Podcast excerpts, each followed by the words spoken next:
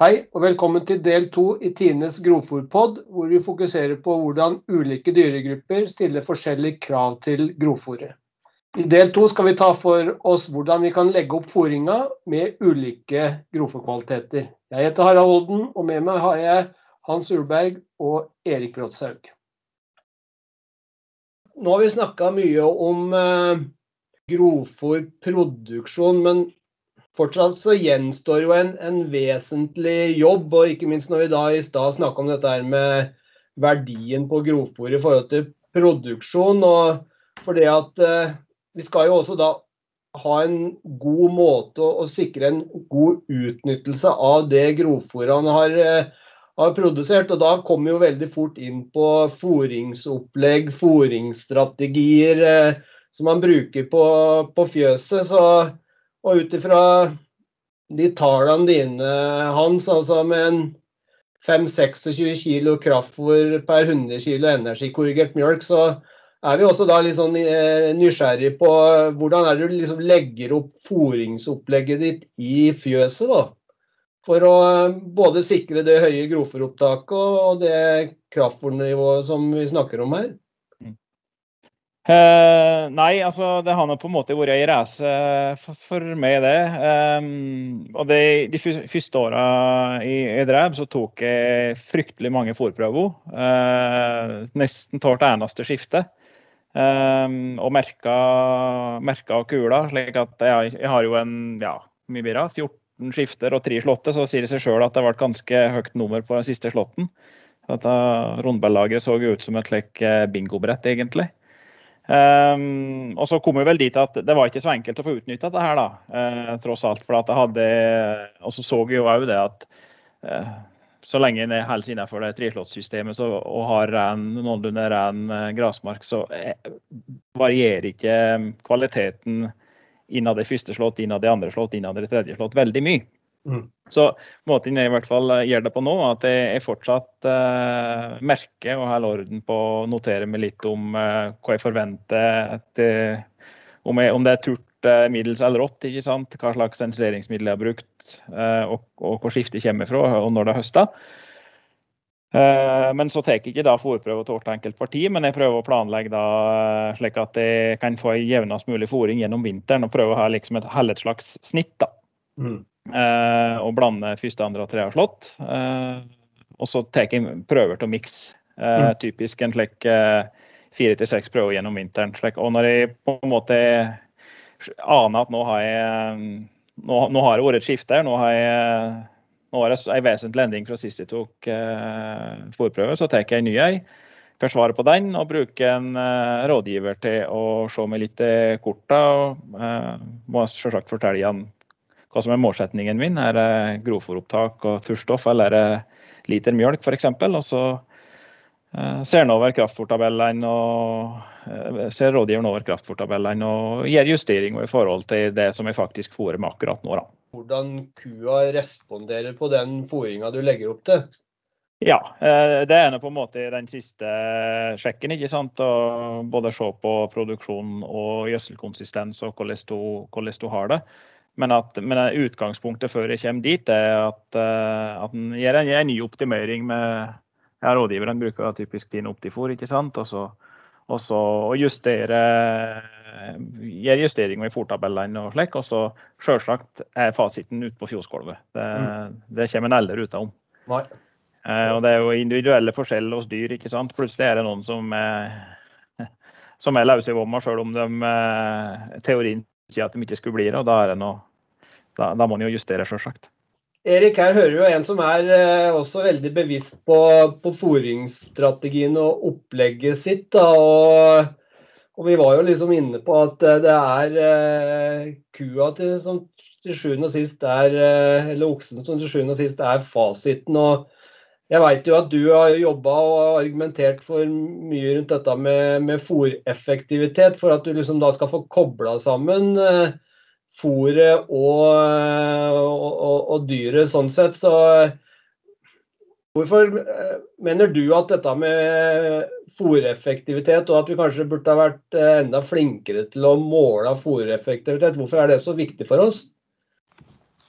Nei, jeg tenker at det er flere fasetter i det. For det første så er det jo viktig å se om eh, fôret vi putter inn i dyret gir, som dere har vært inne på flere, flere ganger, eh, gir det den outputen som vi, som vi gjerne ønsker ut ifra det vi har planlagt. Så, så, det setter jo det i perspektiv. Men på en annen side så, så, er det jo Noen vil si at det er litt hassle med det òg, for at, eh, du har jo vært inne på det, du og Hans. At uh, det er forskjellige måter å, å tildele dette fôret på. Noen, noen steder. Hos deg så er det sånn sett ikke så verst, da, for der har du kua på den ene sida. Da veit du sånn noenlunde hva den kua får. Så, så, så akkurat på kusida så er det ganske greit. Eh, så var det litt verre på den andre sida. Men eh, det er litt hassle med det. Det er, jo, det er jo den første til å innrømme. Eh, men samtidig så er det også en veldig viktig øvelse i, som du også er veldig opptatt av. Da. Du setter sammen en, en miks, som du sier, som på en måte skal være representativ for fòringa gjennom hele sesongen for å unngå variasjon. og det er jo en veldig viktig del av det. Du, du tvinger deg sjøl til å se på hva du faktisk putter i dette her eh, dyret, også av grovfòr, ikke bare kraftfôr. Du er inne på det sjøl, dette med ulikt tørrstoffinnhold og ulik kvalitet. Eh, ikke sant? Eh, det lukter litt til eh, Alle sånne ting. Det får du på en måte et tettere Hvis du har en litt systematisk måte å tilnærme dette på gjennom å gjøre noen sånne jevnlige fòrkontroller, så er det en veldig fin øvelse for å ta litt kontrollen sjøl. Og, og, noen ganger så vil du få noen aha-opplevelser når du kanskje gjør litt mer enn bare se på fôret, og kanskje tar noen enkle tørrstoffmålere i en Nå har jeg lært at den bruker sånn eh, air fryer for å ta tørrstoffmåler rundt omkring. Sånn som du kjøper for å lage fries på til middagen, så kan du bruke den til tørrstoffmåler i tillegg. Skikkelig Kinder-overraskelse, dagens reklame. Eh, men det er noe med det at du, du, du må på en måte og, og ikke minst så får du en avsjekk Eh, jeg snakka tidligere om at du på en måte bør registrere litt hva du har på lager. Og jeg kan vel røpe, jeg sa ikke det i stad, men i det der eh, rådgivningsløpet vårt nå, eller den tjenesten, så har vi jo prøvd å få brukt noe av det som kom ut av det her såkalte Future Farm-prosjektet som mange har hørt om. Og der er det en app som ut ifra ønsker fra dere brukere, så var det veldig klart at dere ønska mer kontroll på hvor mye rundballer kom fra hvilke skifter, og hvor er de lagra, og hvordan kan vi sammensette dette til å bli en god rasjon gjennom vinteren. Det var noe alle ønska seg. og Det er jo det du sitter her og forklarer at du, du, prøver å gjøre veldig godt på høsten, sånn at du har et godt grunnlag for å styre dette gjennom hele vinteren. Og Da er jo dette med fòrkontroller veldig viktig for å gjøre en avsjekk på at eh, den prognosen du på en måte har satt opp, eh, den kan du bare check, check, check, og så har du på en måte god dekning for å si at du har nok fôr eh, ut hele sesongen. og kan slipper å få sånne svingninger som vi vet er så utrolig negativt. For det er jo Jeg vil jo våge å påstå at noen gjør litt vel mye ut av fòrplanlegging også. Eh, fòrplanlegging handler om å standardisere og kontrollere og, og kjøre kuene er så kjedelige. vet du. De ønsker jo egentlig å ha det litt sånn steady state for å få minst mulig variasjon. Og jeg har jo ofte sagt litt flåsete at det er bedre å gå liksom på 90% sånn godt nok, og så klare å holde det hele året igjennom, enn også skulle gjøre 100% en periode, og så plutselig må du gjøre et eller annet grep for at du ikke hadde helt kontroll, og så må du plutselig gjøre mye endringer. Sånn at eh, jeg tror det, du har en veldig sunn eh, tilnærming til fòrplanlegginga der. Mm. Helt, og så altså er det det med fòreffektivitet. Det er noen som sier, vil sikkert si at uh, beste måten å få høy fòreffektivitet på, er kanskje å pøse dem fulle av kraftfôr. For da får du sånn sett et uh, relativt lavt uh, tørsteopptak i forhold til ytelsen. Og ja, på kort sikt så er nok det kanskje en, en, måte å gjøre det på. Men jeg tror de aller fleste kjapt kommer til den erkjennelsen at hvis du kan gjøre de her tingene som vi snakker om nå, så vil du få en mye mer stabil eh, fòreffektivitet. Og så er det klart at eh, med, med, jevnlige målinger så vil du også fange opp eh, For det er klart, du klarer ikke å ta høyde for alt, så da vil du fange opp ting som skjer, kanskje før det kommer så langt at du må reparere. For det er mye bedre å forebygge enn å reparere. Eh, du nevner dette med tørststoffmåling Erik, og litt med reklame. Jeg får vel kaste meg på den, ja. da. Nei, for Du nevner jo den der frityrkokeren, og da snakker vi vel en 300-400 lapper for en sånn eh, frityrkoker. Og Jeg har jo gjort noen tester nå hvor jeg rett og slett har fått noen til å bestemme tørrstoff i den frityrkokeren. Og så har jeg tatt med meg den eh, tilsvarende prøve på laben og kjørt den på laben. og Det er egentlig veldig godt, eh, godt samsvar. Så det er en, en metode og, og, en løsning som ikke koster altfor mye penger også. så den oppfordrer jeg flere til å få testa ut. Som sagt, jeg eh, ble eh, positivt overraska når jeg så eh, hvor bra sammenheng det var mellom den kokeren, hvor du da setter, legger inn en prøve, har ei enkel brevvekt, og den står der og varmer en times tid, og så tar du det ut. og Dermed så har du en, en tørrstoffverdi på, på fôret ditt, enten det er på en rundball eller om det er på en miks eller hva det er for noe. så det kan jo være flere som kan tenke litt i den, i den retningen. Absolutt. Og det er jo mye bedre å få Du kommer langt, eh, langt med den. Eh, selv om du kanskje ikke blir helt i henhold til Norfòr-standard, så er det godt nok i massevis. Og det gir, ikke minst eh, når du jobber med det her, så med å gjøre sånne stunt av og til, så får du kalibrert deg sjøl litt. Og det er også viktig, da. Mm. Vi må også komme innom dette her med det er jo en ny grovfòrsesong som står for, uh, for døra. Uh, noen har jo allerede begynt med, med våronna. Det er kanskje litt tidlig opp i, i Gudbrandsdalen ennå, men det nærmer seg nå i hvert fall uh, fort. Og jeg vet ikke, Hans er ut ifra Du sa at om du beskrev litt den strategien du, du har i forhold til grovfòrproduksjonen din. Er det ting du ser for deg at du vil gjøre annerledes nå, eller? Hva slags refleksjoner gjør dere foran eh, en ny sesong? Nei, noen slik store eh, paradigmeskifter tror jeg ikke det blir. Men eh, jeg satt jo og skrytte av at jeg snudde hvert tredje og fjerde år, og det har jeg jo gjort. Men samtidig så har jeg jo hatt lyst til å sette på om det går an å, å kompensere med å fornye direkte så litt. Så det har jeg drevet så smått og prøvd meg fram med. da. Ikke minst fordi at det er klart Timotein han er ikke veldig glad i trislåttssystem. Um, så det det både, så det går på både å direkte så og prøve litt andre sortsvalg som kan kombinert med Timotei. da, Kombinert med Timotei og Klobber, for det kommer nok til å bli hoved, hovedvekstene fortsatt. Men uh, noe raisving eller uh, ja, det har kommet noen hybridarter som kan være litt spennende å prøve. Uh, og hunngras uh, er jo kommet inn igjen i litt frisk versjon som kanskje kan gå an å prøve litt. Grann, um, særlig der en har lyst til å bete litt da, uh, mm. utover høsten. Mm. Ja, så det er vel det er vel litt der. Og så er det,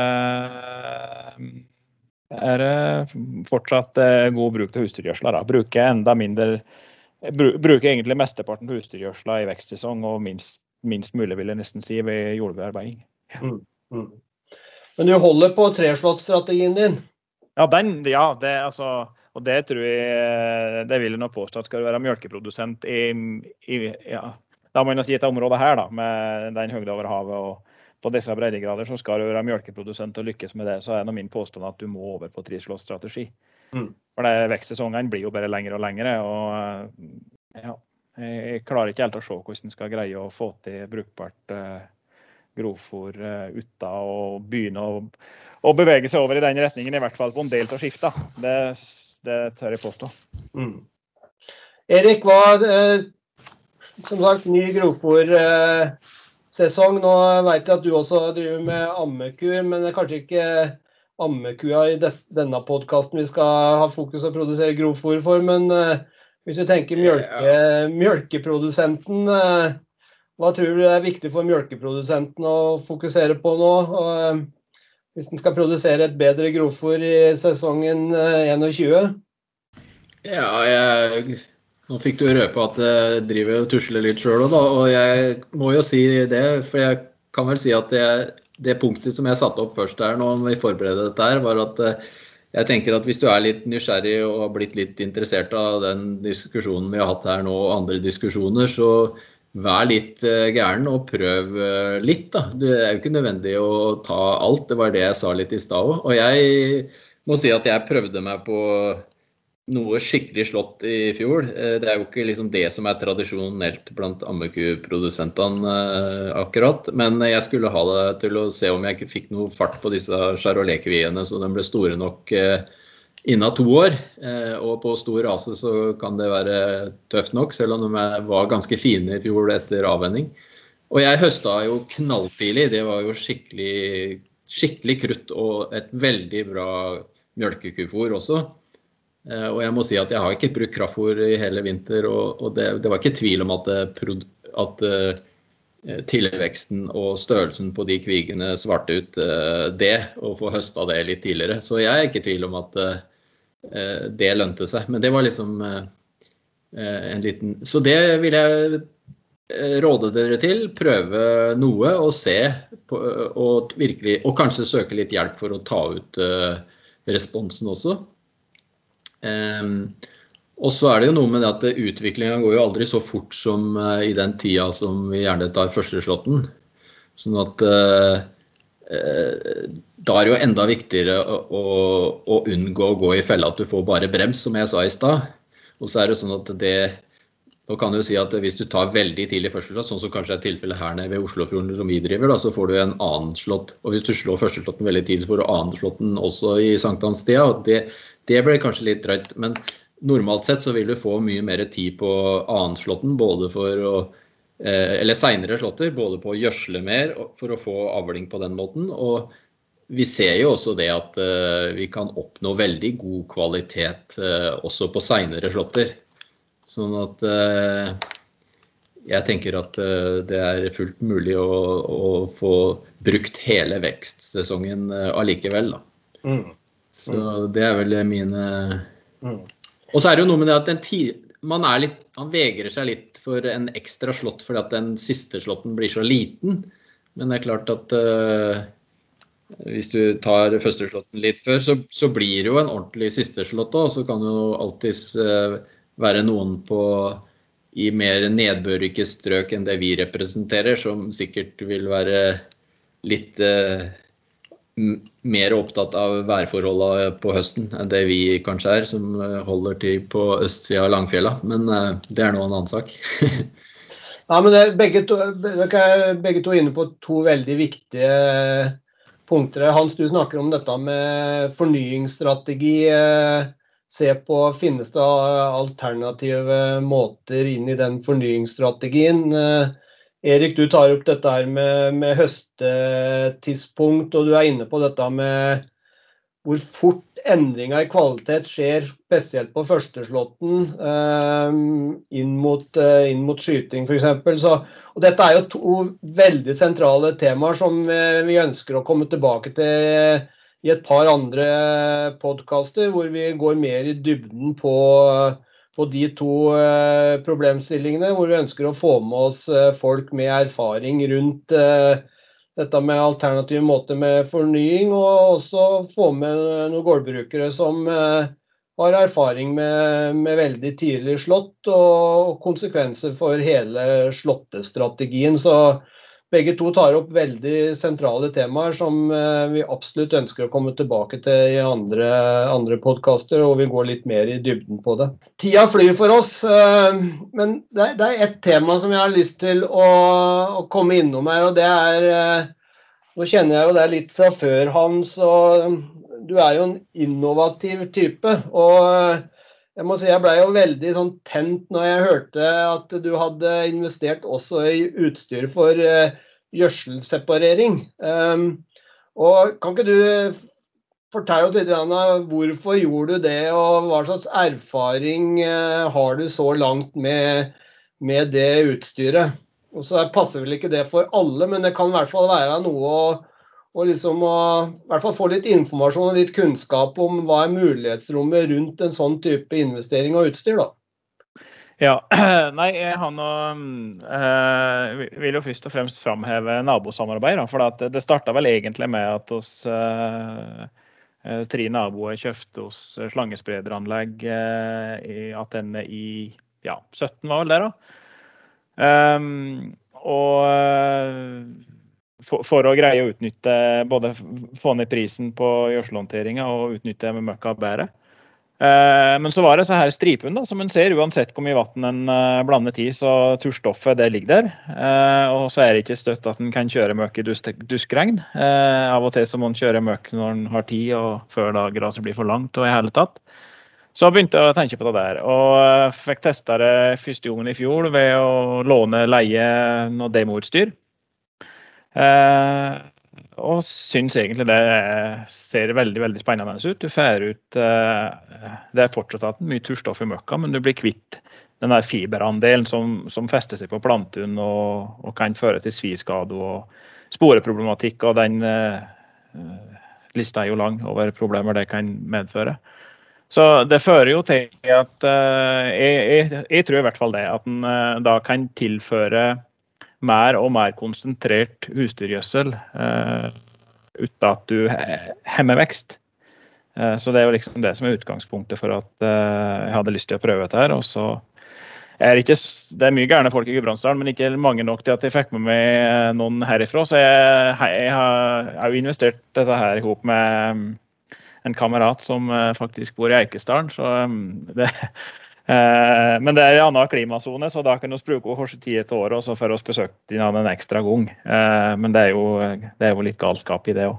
Eh, men eh, jeg har i hvert fall veldig trua på at det skal gå an å um, gjøre husdyrgjødsla mer opptakelig, rett og slett. For å fortere ned i bakken og, og kan utnytte henne enda bedre. og håpet er at en etter hvert kan eh, gjøre en større del av nitrogenforsyninga med husdyrgjødsel og mindre bruk av kunstgjødsel. Mm. Eh, så får vi se om det, om det sliter. Og så blir det jo selvsagt òg en diskusjon i forhold til eh, gjødselforskrift. og Det er jo noen, eh, det er jo noen regelverk der som selvsagt regulerer hvor mye du faktisk kan bruke. Men uh, jeg syns i hvert fall når, den, når de diskusjonene er og skal tas videre, så, så må en kunne se på uh, utnyttelsen. Uh, om det er brukt i vekstsesong eller om det er brukt uh, Ja. Mm. Det, det, det, mener jeg må med i regnestykket, da. Mm. For det har jo ja. Det må jo være bedre å bruke ressurser du har på gården, i stedet for å kjøpe kunstgjødsel, som tross alt er energikrevende å produsere. Mm. Men det er jo en helt annen diskusjon. Mm. Eh, det er veldig, veldig spennende. og Jeg er nokså sikker på at det er ikke siste ordet som er sagt i den, eh, den tematikken. Eh, her. Sånn. Det jeg også er litt nysgjerrig på, prøver du i, i samarbeid med Norsk landbruksrådgivning å gjøre noen tester og litt sånne ting for å få noe mer eh, dokumentasjon eh, rundt dette. her. Hadde jeg vært rådgiver i Norsk landbruksrådgivning, så hadde jeg i hvert fall banka på døra hos deg for å få, for å få gjort noen, eh, noen, tester. Jeg vet at du har tatt analyser av, av husdyrgjødsla og sånne ting, men det kunne vært veldig spennende å få liksom, verifisert noe mer i forhold til en del av de temaene du tar opp med, med fordelene og sånne ting. Altså få det underbygga. så jeg vet ikke, jeg Tenker dere på noen tester og sammenligninger? Eh, ja, det, altså Norsk landbruksrådgivning har jo veldig mange flinke folk. Problemet deres er jo tid. Eh, så jeg burde jo helt sikkert, eh, helt sikkert fått med noen til å gjort, gjort noe der. og Det, det har ikke vært gjort. Jeg har bare kjørt noen skal skal si, storskalaforsøk sjøl og, og, kjørt eh, helt ut av kunstgjødsel på noe skifte.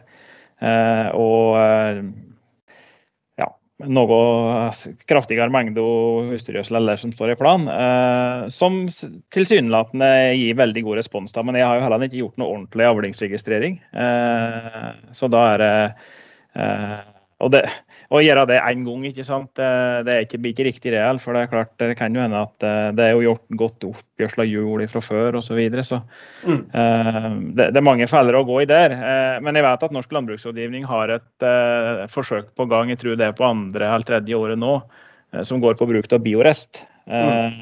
Og biorest og separert husdyrgjødsel vil jo være veldig sammenlignbart. da. Og i hvert fall det jeg leser fra og den eh, forsøksrapporten eh, fra landbruksrådgivninga der viser så langt eh, at, at det er veldig liten forskjell på bruk av kunstgjødsel og husdyrgjødsel og, og biorest. Da. Så det er jo lovende. Mm. Um, og så vil jeg jo si at det, jeg tror at det kan være, altså gjødselseparering kan være en verdi for mange. fordi at hvis en da kan bruke den tynne delen eh, nede i huset der på stuttvegg, som da er 98 vann. Eh, og så kan du da kjøre den tørre delen som typisk ja, enklest å sammenligne det med hestmøkk. Som er en landstand mellom 30 og 35% Laste det på en lastebil og kjøre det til fjells. Eller lenger over når en skal, skal, fornye der. Mm. Så vil det jo redusere transportkostnadene betydelig, da, i stedet for å drive og kjøre rundt på 90% vann, som du gjør i en eh, med vi skal si, ubehandla møkk. Mm. Ja, veldig, veldig spennende, spennende, tanker. og eh, Som sagt, jeg var jo inne og så litt på noen fòrprøver du hadde.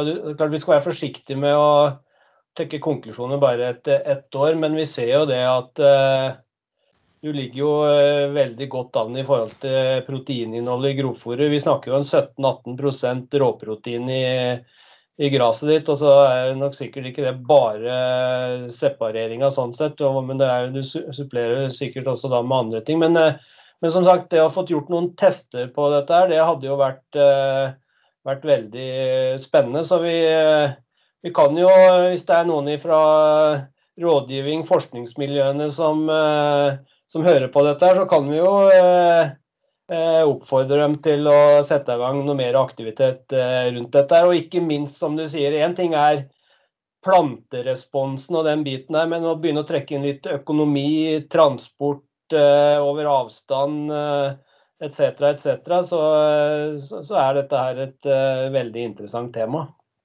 Tida går. Jeg tror vi må begynne å gå inn for landing jeg nå. så er det noe Spørsmål om folk egentlig orker å sitte og høre på så lenge som det de har, gjort nå. Men uh, da kan de kanskje spole litt. Men i hvert fall uh, uh, Vi har vært innom flere aktuelle temaer rundt grovfòrproduksjon.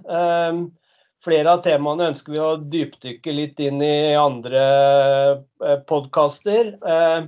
Jeg vil også oppfordre dem som eh, hører denne podkasten, hvis det er temaer som de eh, ønsker at vi skal eh, belyse, så, så ta kontakt. Dere kan ta kontakt med, med meg på e-post, og jeg har en ganske enkel e-postadresse, og det er harald.volden.alfakrølltine.no. Så da er det bare å sende inn forslag til, til temaer.